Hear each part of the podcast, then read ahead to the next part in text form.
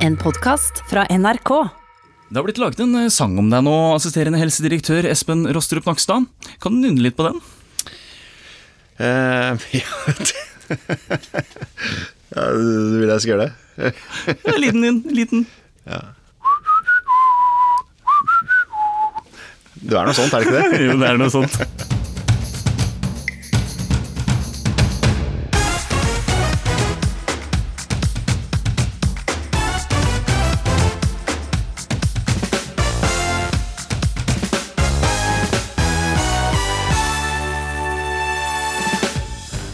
Alles Espen Nakstad går snart ut i ferie, men i Spania vokser smittetallet.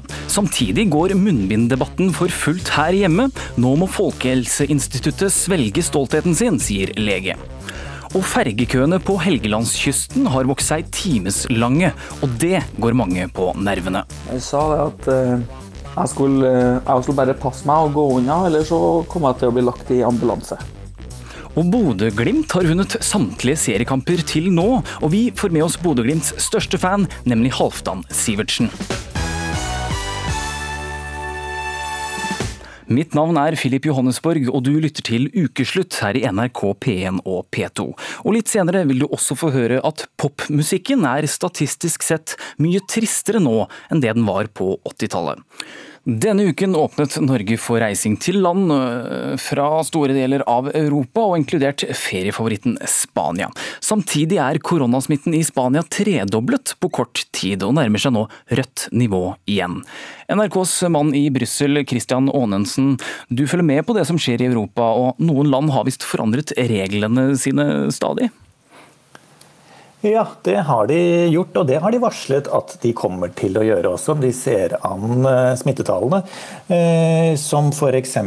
Barcelona og Catalonia gjorde i går, da de oppfordret alle innbyggerne og turistene til å holde seg innendørs. Og også sett i Hellas som har strengere grensekontroll opp mot Serbia og Bulgaria. For det vi har sett er egentlig at alle landene som er disse naturlige turiststedene, og der folk kommer nå, har fått økt registrert antall smitter nå i turistsesongen. Og har sagt at de kan forandre reglene fortløpende. Ja, du var jo selv på Kreta denne uken. Var det mange turister å se der? Det var stort sett dansker, egentlig. Og så begynte det å komme briter. Og i dag så skulle det komme flere fly ned fra Norge. Så det var eh, ikke veldig mange. De hadde hatt en reduksjon på 100 000 turister sammenlignet med i fjor. Så der var det mange som gledet seg å ta imot eh, turistene når de kan begynne å komme igjen. Mm.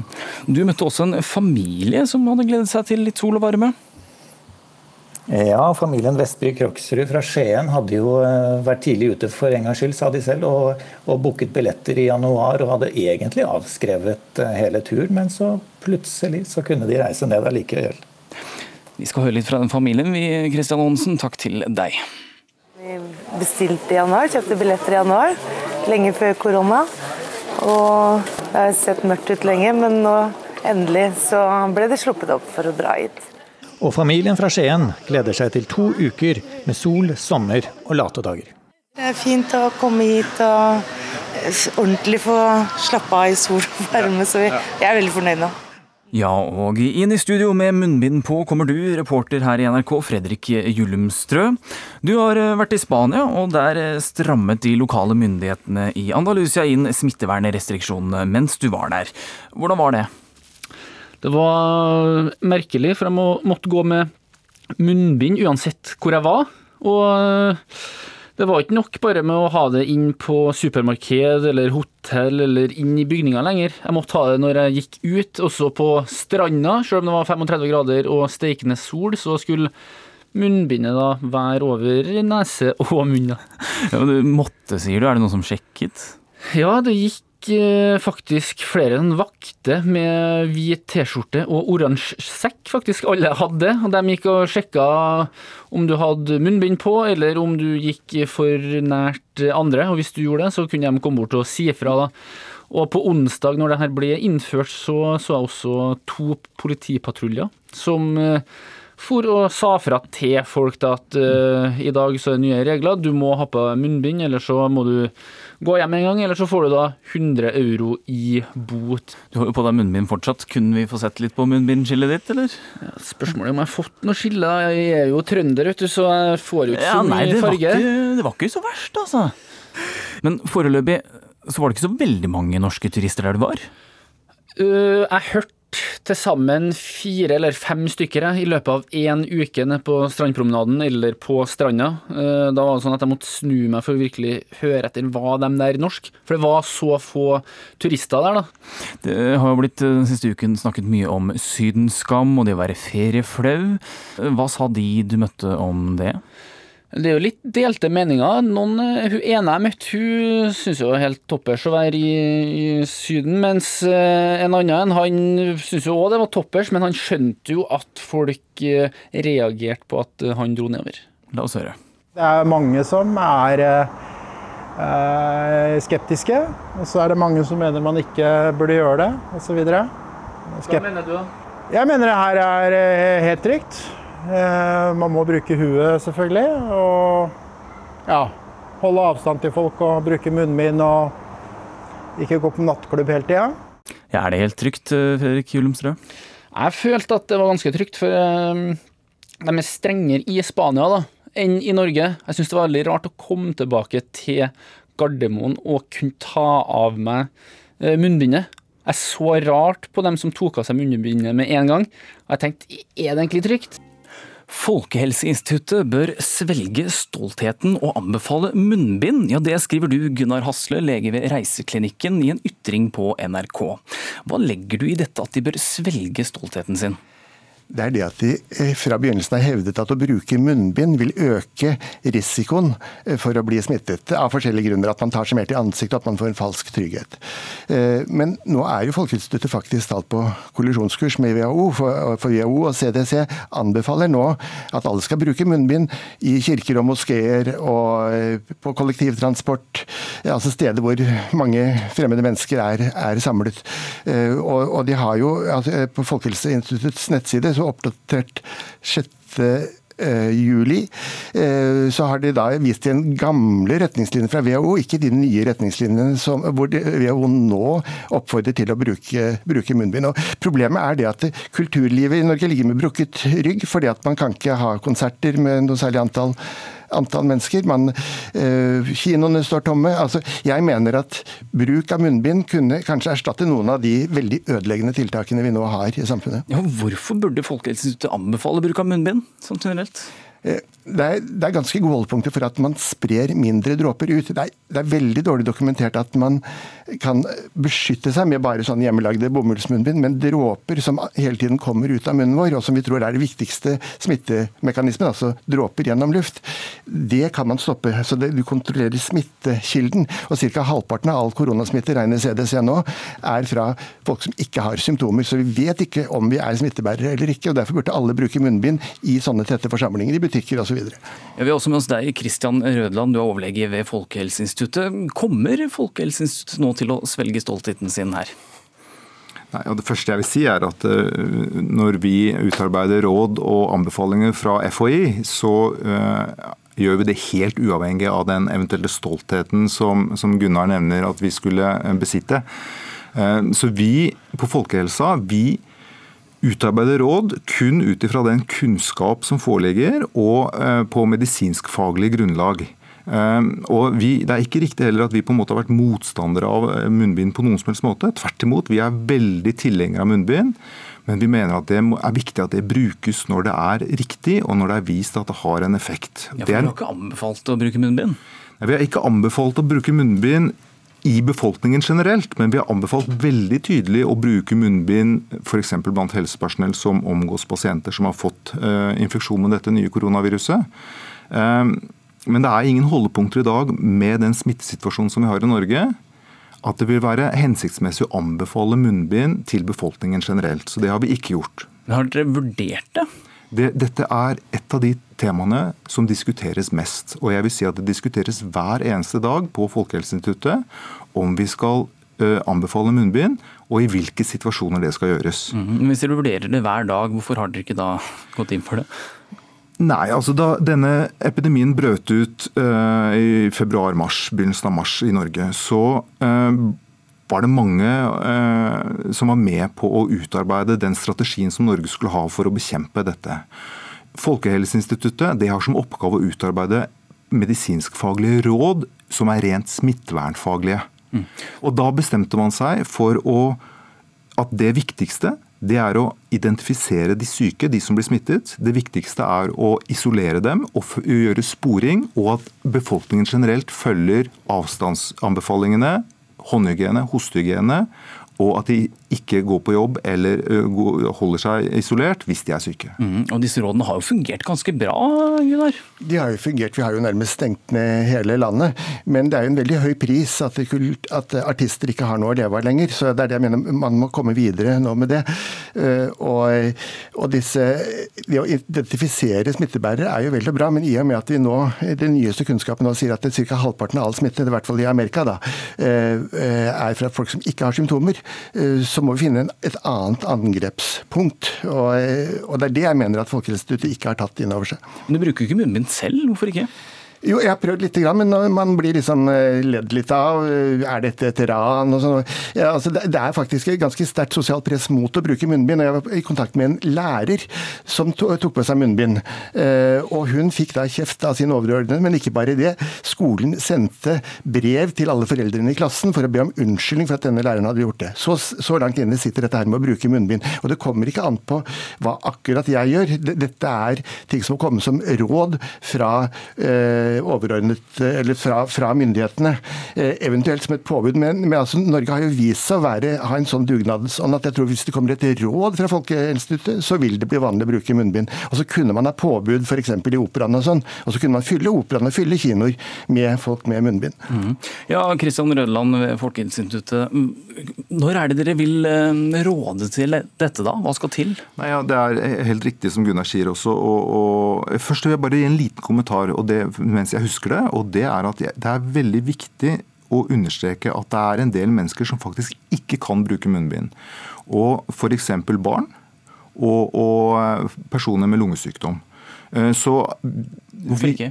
Nei, Det kan være tungpustethet, og det har vært eksempler på folk som ikke tolererer å ha på munnbind. rett og slett. Så jeg tror det er veldig viktig at man ikke eh, har noen form for sosial kontroll i forhold til mennesker som enten beslutter å, benytte munnbind, eller som ikke kan gjøre det hvis vi kommer i en situasjon senere hvor det er et flertall som kommer til å gjøre det. Men så skal jeg svare på spørsmålet ditt.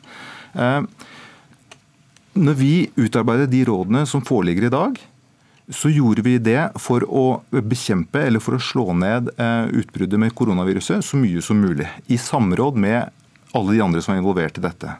Det og, nå, og, nå, og, nå har, og det har vi jo egentlig lykkes ganske godt med. Eh, nå, Hvis vi kommer i en ny situasjon nå, hvor de rådene, og særlig det med å holde fysisk avstand til andre mennesker, og dette med forflytning, dette med eh, kontaktbegrensning, hvis ikke det lar seg gjennomføre, så må vi tenke på alternative måter som kanskje ikke er like effektive, men som vi kan bruke istedenfor for å, å begrense smitte så mye som mulig. Mm. Er ikke dette betryggende ord, Gunnar Hasle? Ja, kanskje. Men altså, det at ikke alle kan bruke munnbind, er jo ikke noe argument mot at uh, man kan anbefale det. Uh, og at ikke barn skal kunne bruke det. Hva, hva, er det for slags tøv? Altså, jeg har et barnebarn i Spania som har sydd munnbind til alle kosedyrene sine. Altså, det er klart at Hun ville også kunne brukt munnbind på skolen. Det er ikke, det, det, det er ikke noe, noe motsetning i det hele tatt. Nei, men det, altså At kosedyr kan bruke munnbind, det er helt greit. Men, men en, annen ting med, en annen ting med bruk av munnbind, det er, det er at en, og som også vi har uh, sagt, og som kanskje har mis, blitt misforstått litt, det er at for at munnbindet skal ha effekt, så er det veldig viktig at de brukes riktig. Uh, og, så, så, og det er jo Hvis vi skulle komme i den situasjonen at vi skulle anbefale det, så er det faktisk noe av det vi må ha mest fokus på. Er å lære ikke bare helsepersonell, men alle mennesker hvorfor vi har munnbind, hvordan de skal brukes, hvor ofte de skal skiftes osv. Mm. Ja, det, det, er musikk i mine ører. Eh, men vi vil jo uansett ikke klare å lære, lære alle å bruke munnbindene riktig. Men igjen, altså hvis du klarer langt de fleste klarer å bruke det, og det er ikke noe heksekunst, det brukes åndedrettsvern i industrien, og, eh, og altså, alle på sykehus må jo lære det, så det er ikke umulig å lære folk det. De må bare bruke krefter på å lære dem det. Jeg tror vi må sette strek der. Takk for at dere kom hit til ukeslutt i dag. Etter at fellesferien startet, har norske turister strømmet til Nord-Norge på sommerferie. Det har resultert i fergekøer på flere kilometer og mye venting. Nei, jeg kom ikke med. Det var fjerde bilen fra å komme med. Ja. Neste går klokka fire? Ja, det er noe dritt. Det er trangt og mye venting. Bobiler, passasjerbiler, campingvogner og tungtransport står parkert tett i tett i tett i tett i flere kilometer nedover mot fergeleiene i Nord-Norge. Ja, det er litt kjedelig, men det er så bra vær, så da får vi heller kose oss i Bodø så lenge. Se om det er noe fint å se på her. De siste ukene har det vært mye venting og nærmest kaotiske tilstander på fergeleiene i Nordland. Alle nordmenn skal på sommerferie til Nord-Norge i år, og det har resultert i ekstremt mye trafikk. I Nord-Norge har det vært eh, en 50% økning i biltrafikken sammenlignet med i fjor, noe som har ført til bl.a. kaos ved flere fergeleier. Det er ikke bare dem som skal med fergene som synes køene er lang. Også dem som bor ved fergeleiene er lei. I det siste har det vært eh, veldig problematisk for oss som bor her. De sperrer for innkjørslene til husene våre. Så vi kommer verken inn eller ut fra eiendommen. Og, og vi Skulle det skje noe, så vil det være problematisk for utrykningskjøretøy å komme til. Og, så vi er, vi er nesten fanga i eget hjem her. En som nærmest har blitt en fergekjendis den siste uka, er Kevin Kalljord. Han jobber som køvakt på fergeleiet Skarberget. Det er veldig mange som reiser med ferge nå, som ikke vet hva de skal gjøre. Etter at han delte i VG sine beste tips til hvordan man skal oppføre seg når man venter på ferga, har han blitt gjenkjent på fergeleiet og blitt kontakta av de største mediehusene i Norge. Han tror at det er flere grunner til at tipsene har blitt så populære. Det er jo en veldig dagsakt, eller det er jo veldig aktuell sak nå, når det er norgesferie på så å si alle, i tillegg til at folk har sett hvor lang kø det er. og Da kom jeg med den lista, og så har det bare tatt litt av, egentlig. Et av tipsene Kevin har, er å ikke la lange køer og mye venting gå utover personalet. Ikke kjeft på mannskapet. De får mer kjeft enn de fortjener. De gjør så godt de kan, og likevel får de kjeft. Sjøl har han fått sin dose overhøvling fra temperamentsfulle fergepassasjerer. Det var jo en som sto og venta, sto i køa, sto og venta på å få på ferga. Den personen ble sur pga. hvordan det hadde vært stua om bord, sånn at han ikke kom med. og Da, da rant begeret over for den personen. Han sa det at jeg skulle, jeg skulle bare passe meg og gå unna, eller så kom jeg til å bli lagt i ambulanse. Og køvakta kan også meddele hva som absolutt ikke lønner seg å gjøre når man skal om bord i ferga. Ikke snik. Det er kanskje det verste du gjør. fordi at den rekkefølga du står i på land, det har ingenting å si for når du kommer deg av ferga. Det avgjør kun hvor du skal stå om bord. Er sniking et stort problem? Ja, fem-seks biler om dag som prøver å snike. og Vi, vi ser dere bestandig. Fram til midten av denne uka var det stort sett bare nordmenn som sto i fergekø. Men på onsdag åpna vi grensa for bl.a. tyske bobilturister. Og de ble møtt med både norske flagg, store smil og hyggelige hilsninger da de kom i land med Kiel-ferga. We are going to, to Lom and then to Bergen and then to uh, Stavanger. We have a good time here. We, we planned this trip 10 years ago. På fergeleiet i Moss er situasjonen ganske så annerledes enn den er på enkelte fergeleier i Nordland. Vi har et vennepar som prata om de skal reise nordover, men de uh, leste at det sto både 10 og 12 timer i kø. Så da valgte de noe annen ferie. Her står ingen av bilistene lang tid i kø for å komme om bord på Basteferga. To minutter. Ja. Nei, vi har stått uh, ti minutter, kvarter. Uh, jeg akkurat kom, faktisk. To minutter, kanskje. Mie Helen Jacobsen står og dirigerer bilene som skal om bord på ferga fra Moss. Hun mener at enkelte bilister burde ha lest Kevin Kaljords fergekøtips. Ja, det opplever vi stadig, at det er noen som sniker. Ser at den ene køen beveger seg, så da slenger de seg på der istedenfor å følge systemet, da. I tillegg til tipsene fra køvakt Kevin, så flere av passasjerene på Bastøferga sine egne triks til hvordan man gjør en fergetur så behagelig som mulig. Men vi må ha svele. Det hører til. Det er godt. De har penger til å kjøpe oss en kaffe og en is og sånn. Det er litt viktig.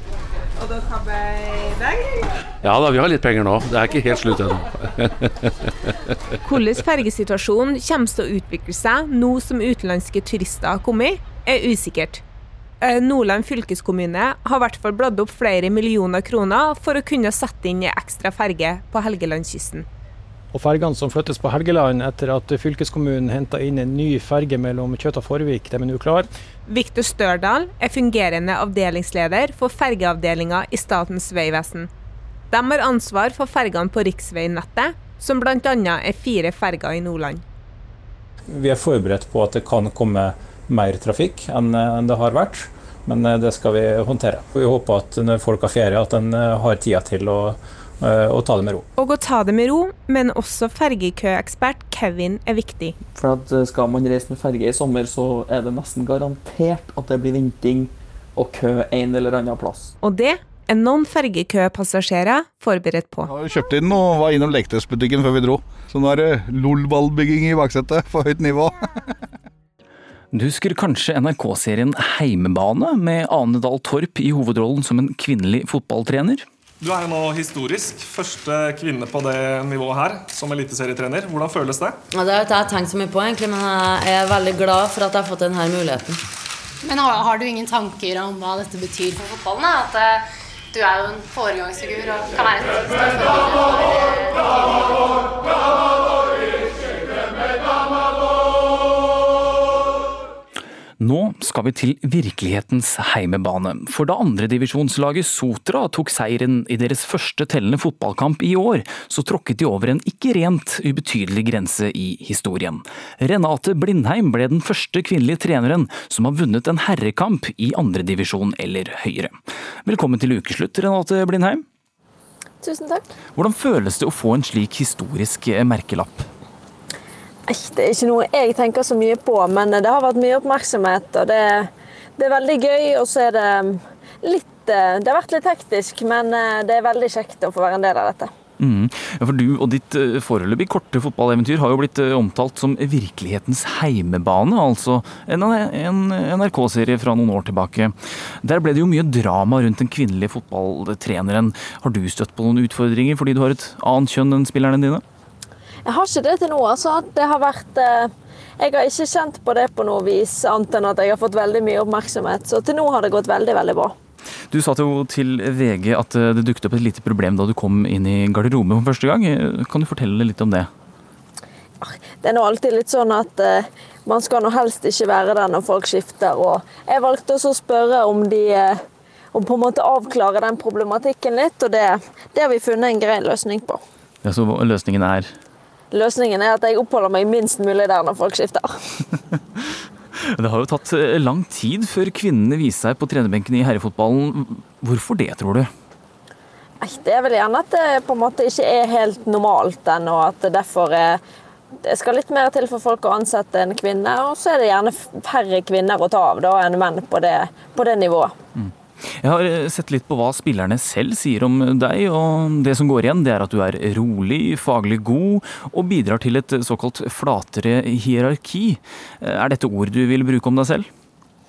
Ja, det Jeg ville nok gjerne beskrevet meg på en lignende måte. Jeg er veldig opptatt av det der at det trenger ikke Altså, vi er ett lag, og vi jobber i, for å dra i samme retning, og da er det på en måte viktig med den, den ydmykheten i det. Mm. Men det er, det er kanskje ikke ord man forbinder med de største fotballtrenerne opp gjennom tiden, eller? Nei, Det er gjerne ikke sånn folk flest beskriver seg, men jeg, jeg tror kanskje ikke at jeg er den helt sånn normale fotballtreneren heller, kanskje. Ikke, på hvilken måte er du ikke den helt normale fotballtreneren? Jeg har litt andre forutsetninger da, enn en mann 40 som har eh, litt erfaring og er automatisk litt autoritær. Så jeg tror kanskje at jeg må, jeg må vinne på litt andre ting. Mm. Mange dømte jo Sotra nord og ned på tabellene i andredivisjon i år. Og i dag så kommer da Nardo på besøk. Blir det seier, tror du? Jeg har troen på tre poeng i dag, og det blir, det blir, veldig spennende. Så for oss er det bare en fordel at folk ikke helt har eh, tro på oss. Tusen takk for at eh, du ble med i Ukeslutt, Renate Blindheim, og du får ha lykke til. Tusen takk. Snurr meg rundt som en elg på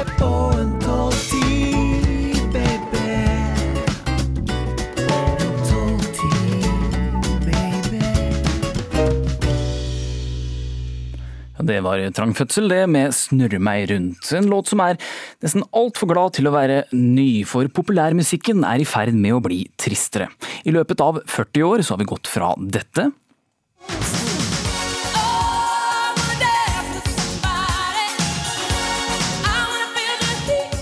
og til dette istedenfor.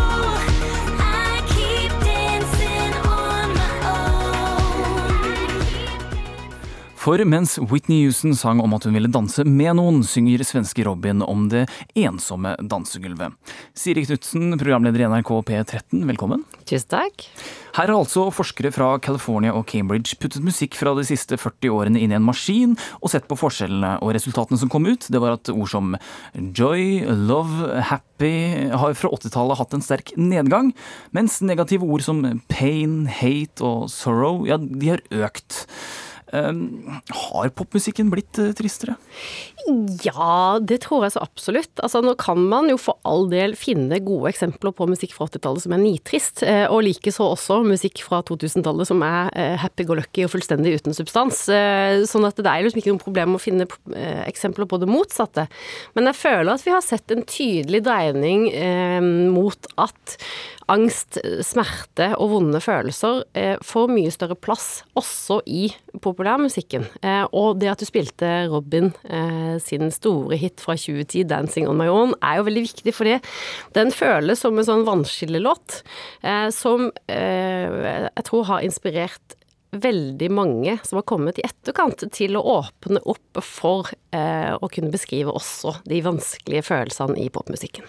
Hvis vi går tilbake til 80-tallsmusikken og tekstene, så kan vi ta frem en sang som mange kjenner igjen, nemlig 'Wake Me Up Before You Go Go' med Wam. Wake me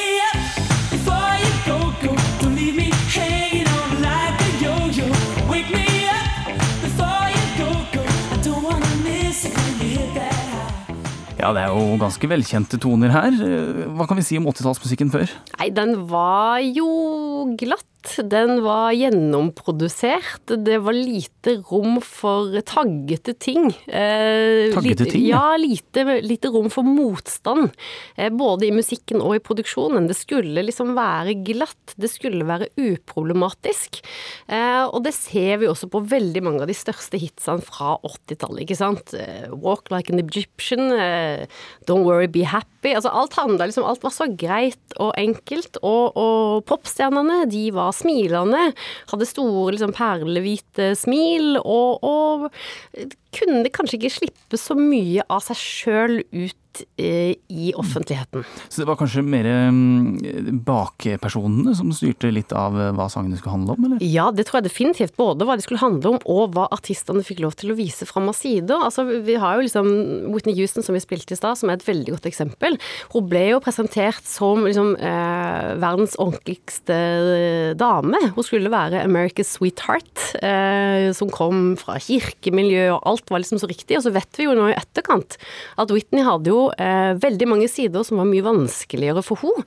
Eh, hun forelska seg i damer. Eh, hun kom jo egentlig fra en mye tøffere eh, livssituasjon enn det eh, vi fikk vite om. Eh, og alt dette her var det ikke lov for henne å vise fram til noen, fordi hun skulle bare være perfekt utad. Mm. Vi kan jo gå fra Wake Me Up Before You Go Go til Wake Me Up med Avicii. So wake me up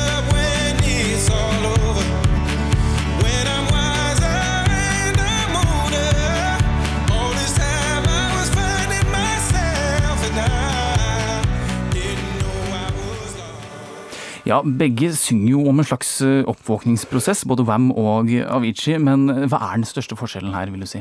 Den største forskjellen er jo at uh, Avicii eh, i denne teksten jo viser fram noe av sin smerte, som jo også, de som har sett dokumentaren om hans liv, som jo endte så fryktelig, fryktelig tragisk, vet at han hadde mye av. Han hadde mye av smerte, og det uh, fikk han også lov til å vise fram selv i en låt som er veldig dansbar og veldig sånn gøy å være på dansegulvet til. Og det er jo, uh, tenker jeg, den største forskjellen fra 80-tallet og nå, det er at artister heldigvis får lov til å være mye mer fullverdige mennesker også i offentligheten. Man får lov til å vise fram at man har dårlige dager, både på Instagram, men også i musikken som man eh, lager. Og det har jo blitt sånn at det er kanskje mer det man ønsker, det har blitt idealet. At man eh, får høre hvordan en artist faktisk har det, fordi det er så viktig for fansen som følger den. At man kan ha idoler som ikke er perfekte. Mm. Anne Brun sier jo at alle tror at hun er kjempetrist fordi at eh, hun skriver veldig triste låter, men hun er jo egentlig veldig glad, fordi hun får jo utløp for alle sine triste følelser i nettopp musikken. Men det er jo spørsmålet, kan det bli tristere nå? Det er klart, det kan alltid bli tristere, men det som er litt artig å se, det er jo at nå som vi står midt i en eh, ekstremt tragisk situasjon eh, på verdensbasis, vi har en pandemi som herrer og som gjør den store inngripen i folks liv, så har altså musikken nå plutselig blitt gladere igjen. Hvis man ser på hitlistene nå rundt omkring i verden, så er det veldig mye positivitet å spore.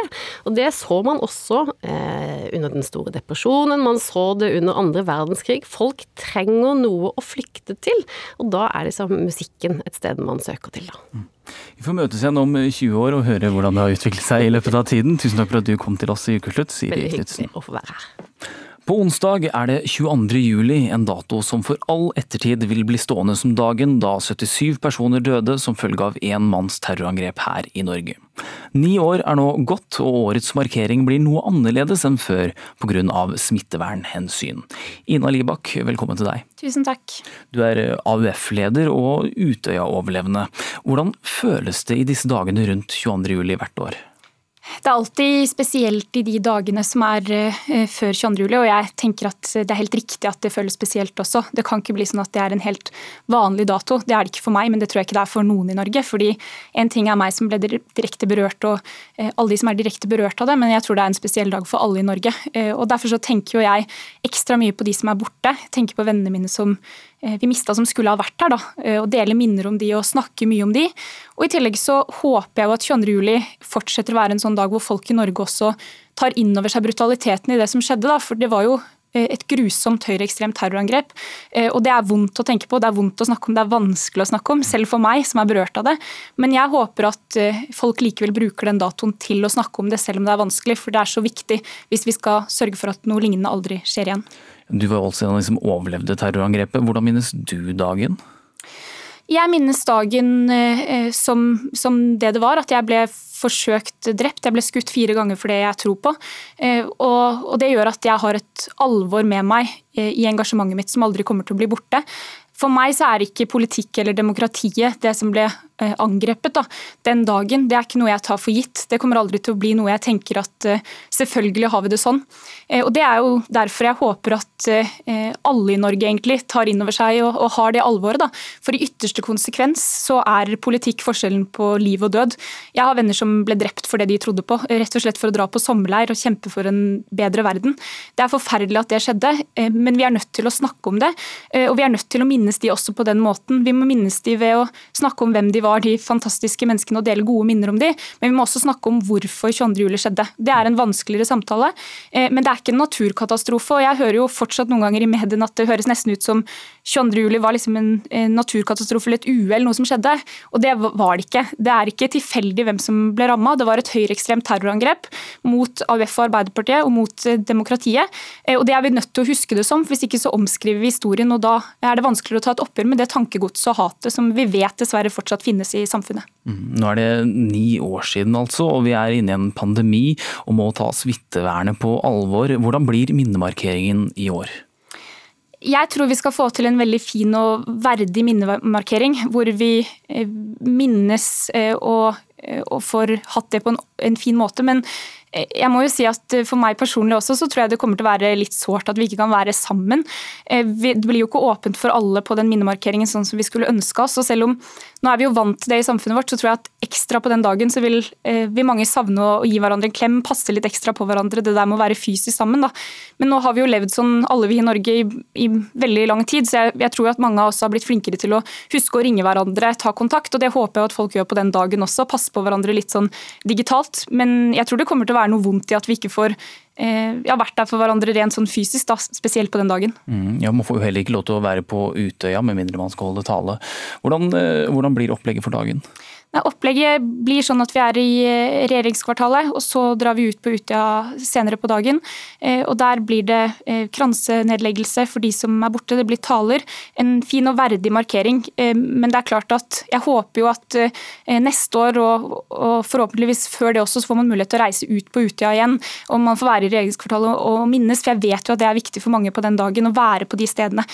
Så neste år så får vi gjort det forhåpentligvis på den måten igjen. Mm. Hvorfor er det så viktig å la 22. juli ikke bli en dag som alle andre dager? Nei, Det er fordi vi ser at det eh, hatet fortsatt finnes. Vi har sett det ute i verden, men vi har også sett det i Norge. Eh, I fjor så, eh, så var det et forsøk på terrorangrep i Al-Noor-moskeen i Bærum. Og Det gjør jo at vi vet at det tankegodset og hatet det finnes fortsatt der.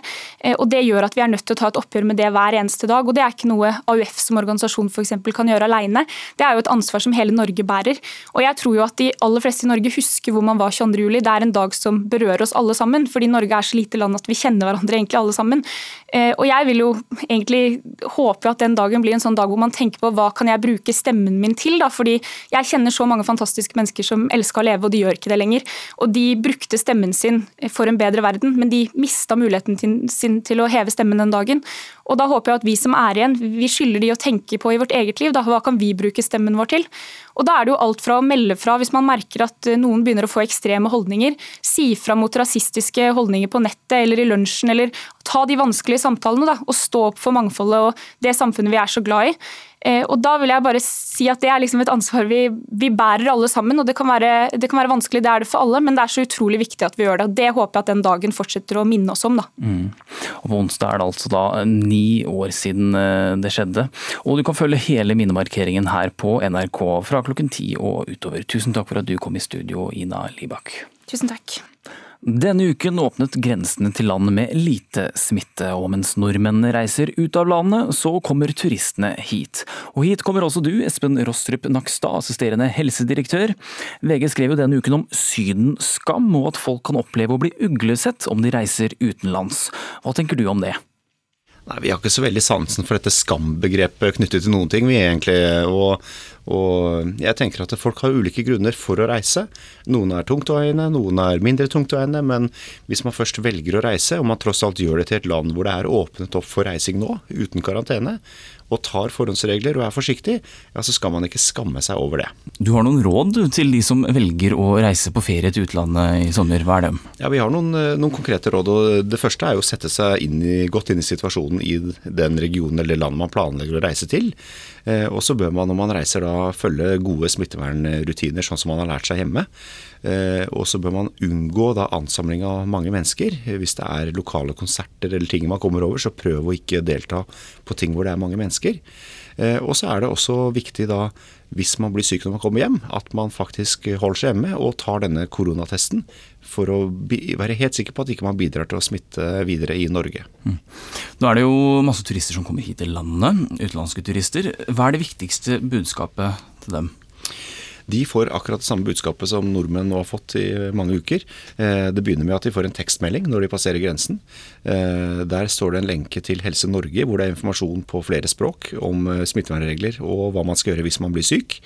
Og så vil de møte da informasjonsbannere på alle flyplasser, havner, turiststeder, hoteller osv. Hvor alt om koronavirus er nøye forklart. Og det er faktisk også sånn at hvis du lander med fly i Norge, så får du opplest en melding før landing om at eh, det kommer en SMS på mobilen din, den må du lese, den gjelder smittevernreglene i Norge. Kommer den da før eller etter applausen? Ja, det er et godt spørsmål. Det kommer litt an på hva slags fly du er på. Eh, Men eh, det kommer i hvert fall en melding til alle. Ja. Du skal jo snart ut i ferie selv. Hva er dine planer, Espen Rostrup Nakstad? Nei, for meg så blir det litt sånn litt halvveisferie og halvveisjobb nå en ukes tid til. Og så skal jeg prøve å ta meg et par uker helt fri, eh, hvor det blir litt kanskje sjøen, og forhåpentligvis en tur i fjellet, tror jeg. Mm. Det er i hvert fall planen. Altså, Du har jo blitt hyllet med en egen sommerlåt, nemlig 'Alt du sa', Espen Nakstad. Kan vi ikke høre litt på den? Det du sa, Espen Nakstad.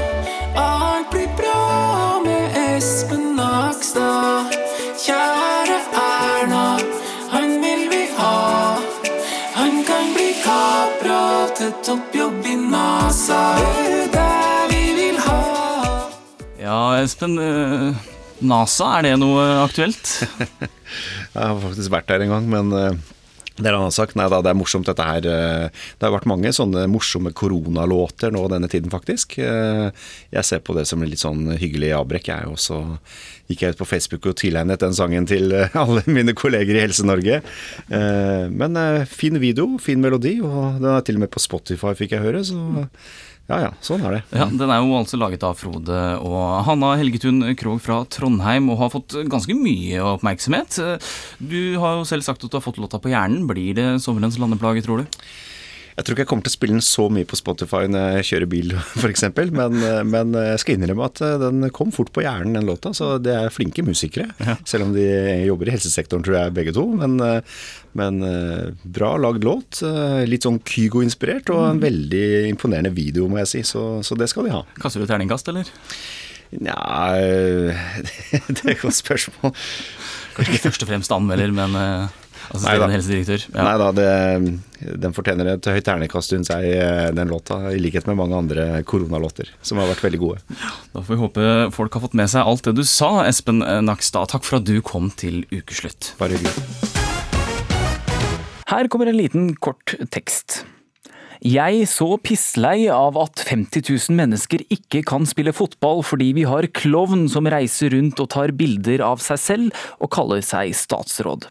Ja, det skrev du på Twitter forrige uke, Mimir Kristiansson, gruppeleder for partiet Rødt i Stavanger, og dagen etter så rykket du ut og ba om unnskyldning. Hva var det egentlig som skjedde her?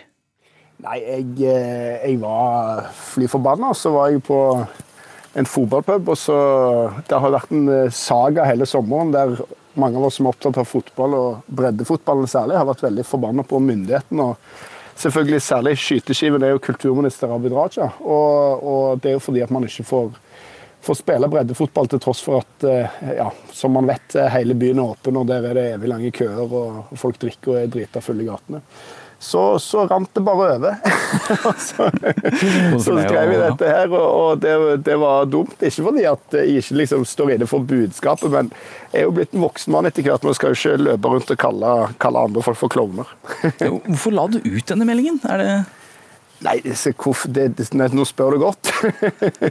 nå spør du godt. Altså, det var en følelsesreaksjon, og det er det litt sosiale medier-problemet òg. At det går eh, i hvert fall for eh, sånne som meg, som jo ikke har impulskontroll som eh, vår sterkeste side, så, så går det jo veldig fort mellom du på en måte tenker noe, og, og du plutselig har det der ute eh, som en offentlig ytring på internett. Men dagen etter så gikk du altså ut og ba om en unnskyldning. Når kom angeren til deg? Nei, Det kom faktisk allerede kvelden før, så jeg var allerede litt i gang med å, å backe da. Men det var dagen etterpå jeg, eh, jeg eh, tok et bilde av meg sjøl der jeg lå på kaikanten i Tromsø, der jeg var, og, og sa til la meg flat.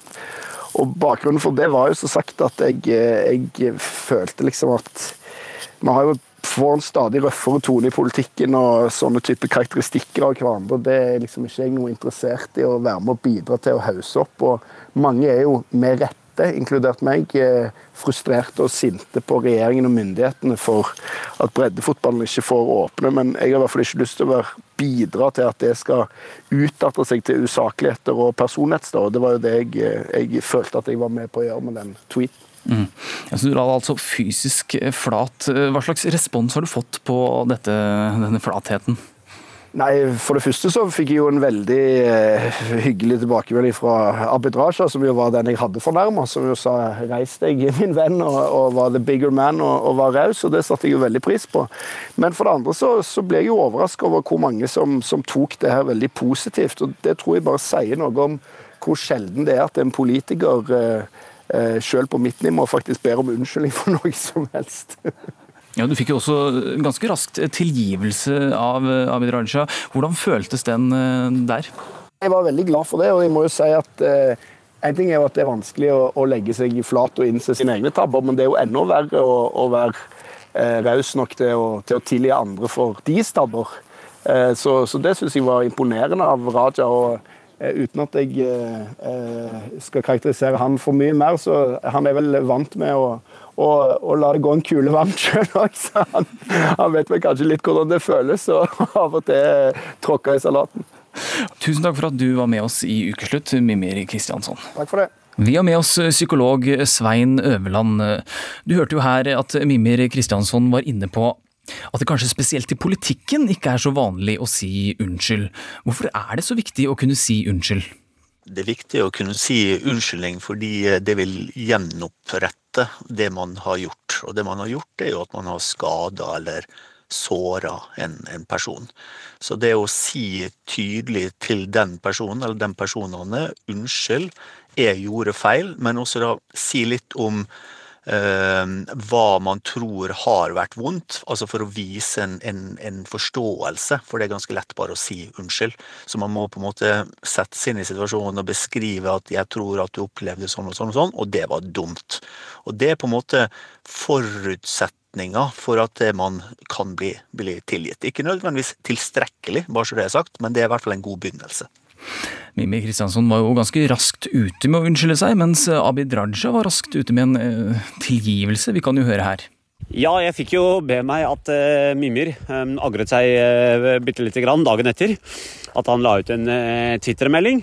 Um, og det er jo lov å dra på pub uh, og ta seg både to og fem og ti pils. Uh, kanskje ikke akkurat å anbefale å tvitre. Uh, etter å ha inntatt mer enn tre, fire, fem pils, kanskje. Da kan det fort gå galt. Samtidig så er det lov å gjøre feil. Det har mange gjort. Det har også jeg gjort. Og det må være lov å kunne angre seg dagen etter. Så ingen hard feelings fra min side. Ja, Psykolog Svein Øverland, hvor viktig er det med denne tilgivelsen eller aksepten? Altså, for en person som virkelig angrer på det man har gjort, så er det å få tilgivelse veldig viktig. Men det er, jo en, det er jo alltid Når du er i en slik relasjon, så er jo den beste måten å både be om unnskyldning og gi om tilgivelse, er jo i et direkte forhold, altså én-til-én-kontakt. Det er alltid vanskeligere når f.eks. hvis du har vært ute på byen og baksnakket en person, eller du har hatt vitne til det du har gjort, gjort feil. Da vil det ofte være vanskeligere å vite helt hva som er veien å gå. Så det beste er jo å opp og, opp ansikt til ansikt, og gjerne også uten vitne. Det er den beste forutsetninga. Tusen takk for at du var med oss, psykolog Svein Øvland. Sjelden har fotballklubben Bodø-Glimt gjort det så bra som akkurat nå. Ikke bare topper de tabellen, de slår også rekorder. Er det mål? Er det mål? Er det mål? Det er mål! Det tverrligger og inn! Tverrligger og inn! Herre min hatt, for et mål! Ballen har 100 km på vei mot krysset! Går i tverrligger og ned! Hvordan i himmels navn klarte du det?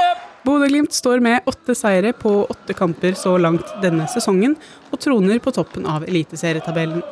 Det skaper god stemning og forventninger hos bodøværingene. Det er litt surrealistisk, egentlig. Det er, det. det er en rar følelse å være så god som de er. Men uh, man kan jo bli godt vant med det òg. Glimt har vært Eliteseriens suverene ener så langt, og har skapt historie med sin bunnsolide åpning på sesongen. Bodø-Glimt en uh, liten by, en forholdsvis liten klubb i, i Eliteserien, klarer den prestasjonen. Det er, det, er, ganske imponerende. Ja, Reporter her, det var Martine Sørhus. Bodø-Glimts herrelag har stolte tradisjoner, og med dem følger også stolte supportere. Velkommen til deg, Haltan Sivertsen. Du, tusen takk. Så vidt jeg kan snakke, for jeg står og gliser så bredt her. Jeg står Jeg er bare så jævlig artig å høre opptak av det målet. Det veldig bra. Ja, du befinner altså, eller står altså i Bodø akkurat nå. Merker man på byen at fotballaget gjør det så bra? Ja, men det er klart at eh, det at vi har en koronasituasjon og, og, eh, og at vi ikke får se kampene live, det, det, det er legger jo en demper på den store stemninga i byen. Da. Men alle som jeg kjenner som er litt interessert i fotball, de er jo selvfølgelig panegyrisk og euforisk og fullstendig oppe og flyr i de, alt som finnes av syvende og åttende himler. Ja, og Hvor lenge har egentlig du vært fan av Bodø-Glimt nå, Halvdan Sivertsen? Skal vi se, det er vel en par og 70 år. Par og 70 år, ja. Du fylte 70 for ikke så lenge siden, vet jeg. så det kan Ja, nei, nei, jeg, jeg husker jeg var med han pappa på faren min på gamle Bodø stadion som da jeg var bare en 7-8 år gammel og så Bo- Bodø-Glimt. Husker jo mitt første møte med Harald Berg. Da var han 17 år. Da kunne vel ikke jeg vært mer enn kanskje 10-12 år. Så nei, eh, det har vært et, et, et helt liv, det, altså, med, som Bodø-Glimt-supporter. Det har vært eh, oppturer, og det har vært eh, ganske mye tunge stunder på Aspmyra også. Det må det være lov å si. Ja, for det, det har jo vært opptur og nedtur for gjennom da, det er jo 104 år Glimt har holdt det gående. Både opp og ned og ut og inn av forskjellige ligaer. Det kan jo ikke ha vært så lett hele veien. Nei da, men eh, det, stort sett så har det jo vært en, en glede å, å, å være supporter av det laget. Det har vært en, en, eh, en, et, slags forhold mellom byen og klubben som eh, har vært ganske nært og intimt i alle de år. og Selv om det også har, har gått litt opp og ned, så, så eh, har Bodø-Glimt alltid vært en slags eh, ambassadør og representant både for Bodø og for Nordland og for, for så vidt landsdelen også, i en periode da det bare var vi som, som var der oppe, nesten sånn som nå. Vi har dykket litt i låtarkivet vårt, vi, og der fant vi denne. De er gul, gedigen, garva og gigantisk genial. Gladiatorglimt. Ja, det er altså Halvdan og den gule fare med låta 'Gladiator Glimt', 44 år gammel blitt. Vil du si den holder stand, eller? Ja, den, eh, den hadde jo sin tid, da, og, og, og jeg har jo etterpå skrevet denne mer kjente kanskje, og mer brukte Bodø-Glimt eh, for evig, som en slags offisiell eh, Bodø-Glimt-sang fremdeles.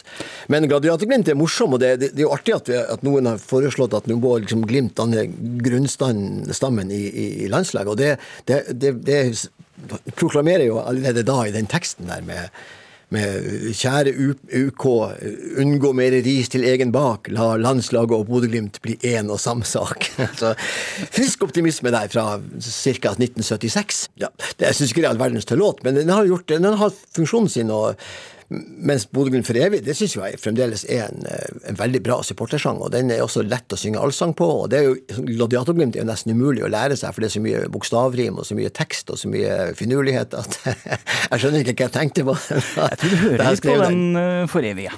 Ja,